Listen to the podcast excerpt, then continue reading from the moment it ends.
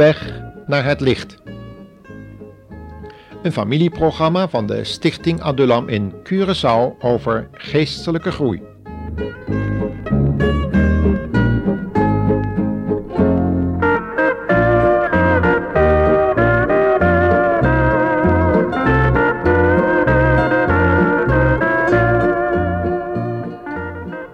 Het thema voor deze uitzending heet Opvoeding en Reiniging. In de vorige uitzending hebben we uit Hosea gezien dat er sprake kan zijn van een geestelijke stagnatie in onze groei. We zagen wat daarvan de oorzaak zou kunnen zijn. We hadden gevonden dat hoogmoed, wereldgelijkvormigheid en gebrek aan geestelijke diepgang belangrijke struikelblokken op weg naar geestelijke volwassenheid kunnen betekenen. Nu willen we samen met de luisteraar eens nalezen wat Petrus daar verder over te zeggen heeft, en wel in 1 Petrus 1, vers 22. Luistert u maar. Nu u aan de waarheid gehoor hebt gegeven, bent u innerlijk gezuiverd, en kunt u dus de broeders oprecht liefhebben. Hebt elkaar dan ook altijd van harte lief. U hebt een nieuw leven gekregen, niet door geboorte uit uw ouders, want aan dat leven komt een einde maar een nieuw leven door wedergeboorte uit God, die door de levende Christus zijn woord tot ons blijft spreken. Kijk, dat is er nu precies gebeurd bij onze bekering tot God. We zijn opnieuw geboren. Niet op grond van wat wij gedaan zouden hebben, of op grond van wat anderen gedaan zouden hebben, zoals sommigen dat ook in verbinding brengen met de waterdoop, maar op grond van het werk wat God gedaan heeft in zijn Zoon op het kruis van Golgotha. Maar daarvoor moet er bij onze bekering tot God wel iets anders ook gebeurd zijn. Namelijk dat wij ons afgekeerd hebben van afgoden in ons leven. En dat aspect heet reiniging.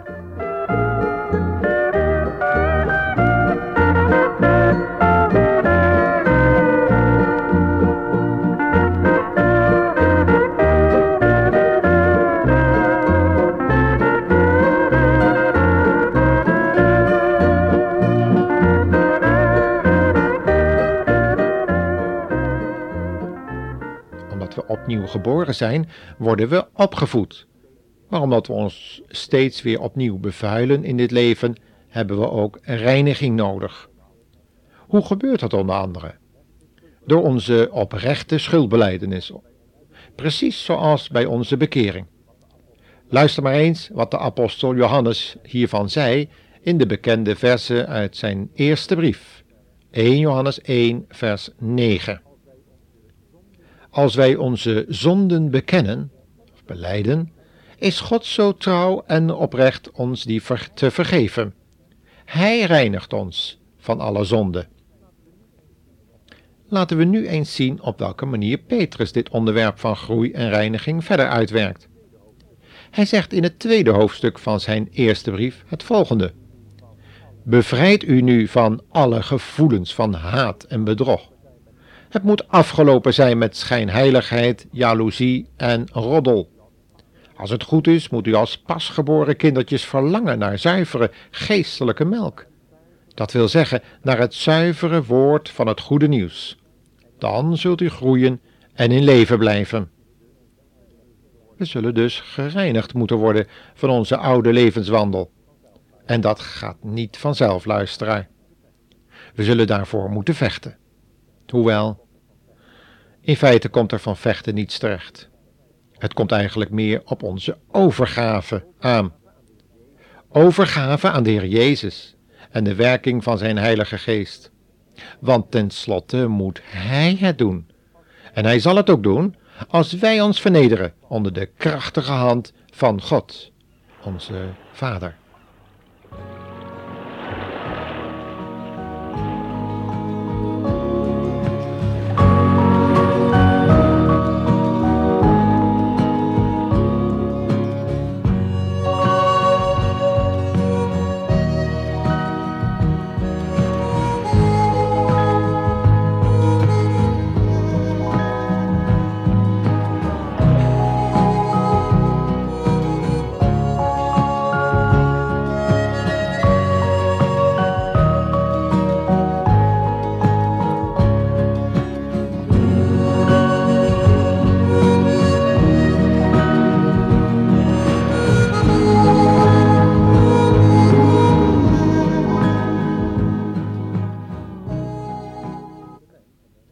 In het Oude Testament kenden de Israëlieten de wet van de reiniging met het ontzondigingswater. Een rein man mocht dan zijn medereiziger, die verontreinigd was, met dat water de reiniging ontzondigen. In sommige kerken denkt men dit nog steeds na te kunnen doen, hoewel deze manier van werken thuis hoort onder de wet en achterhaald is door de uitstorting van de Heilige Geest op de Pinksterdag. Na de opstanding en de hemelvaart van onze Heer Jezus is de Heilige Geest immers gekomen, die door middel van het woord van God op het geweten inwerkt, waardoor een oprechte christen zich laat reinigen door schuldbeleidenis en vernedering tegenover God en mensen. En dat gebeurt precies zoals David het heeft gedaan in Psalm 32, vers 5. Luister maar, toen heb ik u al mijn zonden beleden, niets voor u verborgen gehouden. Ik zei, ik zal de Heere alles opbiechten. En toen hebt u mijn schuld vergeven.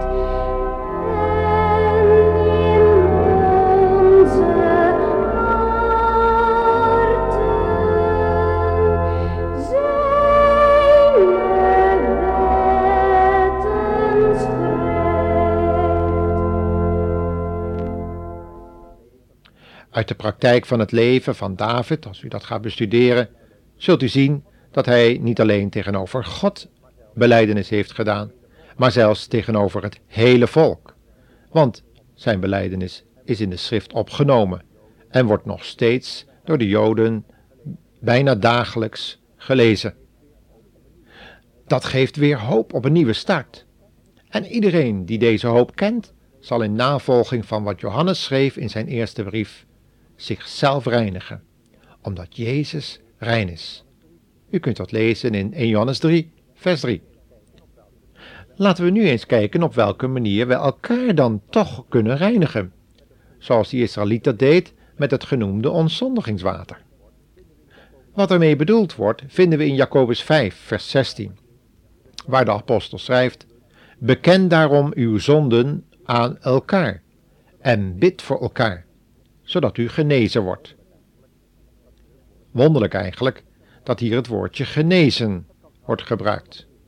Dat kan trouwens slaan op onze ziel als op ons lichaam.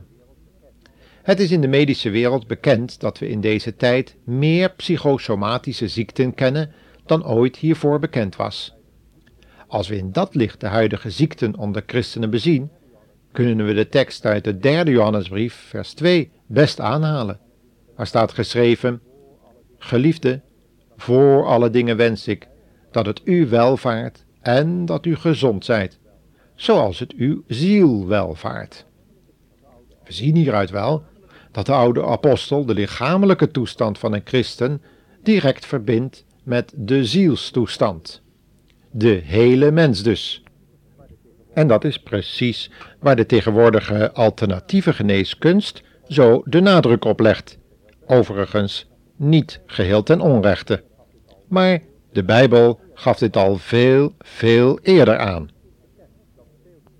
Het is bekend dat veel christenen aan stress lijden, die dikwijls ontstaat door een hoge werkdruk, maar ook door bitterheid, die vaak het gevolg is van interne spanningen op het werk, in het huwelijk en in het gemeenteleven van kerk of geloofsgemeenschap. Wanneer deze bitterheid of stress niet onder het kruis gebracht wordt van onze Heer en Heiland, dan kan de Satan daarover voordeel behalen en de reiniging van de ziel in de weg staan. Van geestelijke groei en een rein geweten zou dan geen sprake kunnen zijn. Laat staan van vrucht dragen voor God. In het Evangelie van Johannes, hoofdstuk 15, staat hoe de Heer Jezus dit probleem wil oplossen. Laten we het samen maar eens lezen. Ik ben de echte wijnstok en mijn vader is de wijnbouwer. De ranken aan mij die geen vrucht dragen, kapt hij weg. De ranken die wel vrucht dragen, snoeit hij om er nog meer vruchten aan te laten komen. Opvoeden en reinigen horen dus bij elkaar. Het zou de moeite waard zijn om eens bij een Franse wijnboer te gaan kijken op zijn uh, wijngaard, om te zien wat ze daar zo bijna alle dagen doen. Ze hebben dan een karretje, waarmee ze dus door de wijnranken, door de paden wandelen, en in dat karretje, daar brandt een vuurtje. Overigens zit er nog een bak in met olie. Dat gebruiken ze om wijnranken te, eh, te enten. Maar voordat ze dan geënt worden, eh, dan worden ze in de olie gestopt. Als ze dan helemaal doordrenkt zijn van de olie, dan zijn ze geschikt om ook geënt te worden en is er grote kans dat ze ook werkelijk aanslaan. Overigens is dat vuurtje ervoor om die ranken weg te halen die niet aangeslagen zijn. Die ondanks, zoals Hebreeën 6 het zegt, dat ze de krachten van die wijnrank gesmaakt hebben, dat het toch niet door hun heen is gegaan, waardoor er dus ook geen vrucht kan komen. En deze wijnranken worden weer weggehaald, omdat niet de levende sappen door hun wijnrank is gegaan. En deze eigenlijk dode wijnranken, die worden dan in dat vuur geworpen. Ze worden niet eens op de grond gegooid, maar onmiddellijk verbrand. Als we dat geestelijk toepassen, dan vinden we daar nogal wat vergelijkingen met het woord van God. Nogmaals, opvoeden en reinigen horen bij elkaar. Of groei en reiniging, beter gezegd. Opvoeding of groei gebeurt door voeding te geven, zoals Petrus al zei, door het woord van God, wat als melk regelmatig tot je maaltijd moet behoren. De vaste spijs komt dan later vanzelf wel. We moeten eerst leren getrouw te zijn in het minste. De melk van de eenvoudige waarheden uit het woord van God, die we elke dag nodig hebben. De zwaardere kost horen we dan wel in speciale bijbelkringen, die soms ook wel groeikernen worden genoemd. Kent mijn luisteraar zo'n leven van groei en geestelijke wasdom? Zo niet, dan staat uw groei stil. Doe er alstublieft iets aan. Beleid het voor God, maar ook aan uw gelovige vertrouwensman of vrouw en ga op de knieën voor God en elkaar. En kijk dan eens wat God met uw ziel gaat doen en hij u duidelijk maakt wat de geestelijke groei in de weg gaat staan of stond. Reiniging gebeurt wanneer we beseffen dat we te veel blad in ons geestelijk leven vertonen. Uiterlijk misschien mooi, schaduwrijk voor anderen, maar geen vrucht. Ik bedoel hiermee wanneer we dreigen te gaan pronken met onze verworvenheden. De Heer Jezus zelf wordt dan niet meer gezien in ons leven, omdat we zelf op de voorgrond beginnen te komen en onze naam belangrijk gaat worden. Zodra u dat merkt bij uzelf of anderen, ga dan eveneens op de knieën en zeg het aan de Heere, ook als het niet om uzelf, maar om die ander gaat. Nehemia deed het zelfs zo dat hij de zonde van zijn voorgangers beleed alsof hij ze zelf gedaan had. Kent u dat ook zo, luisteraar?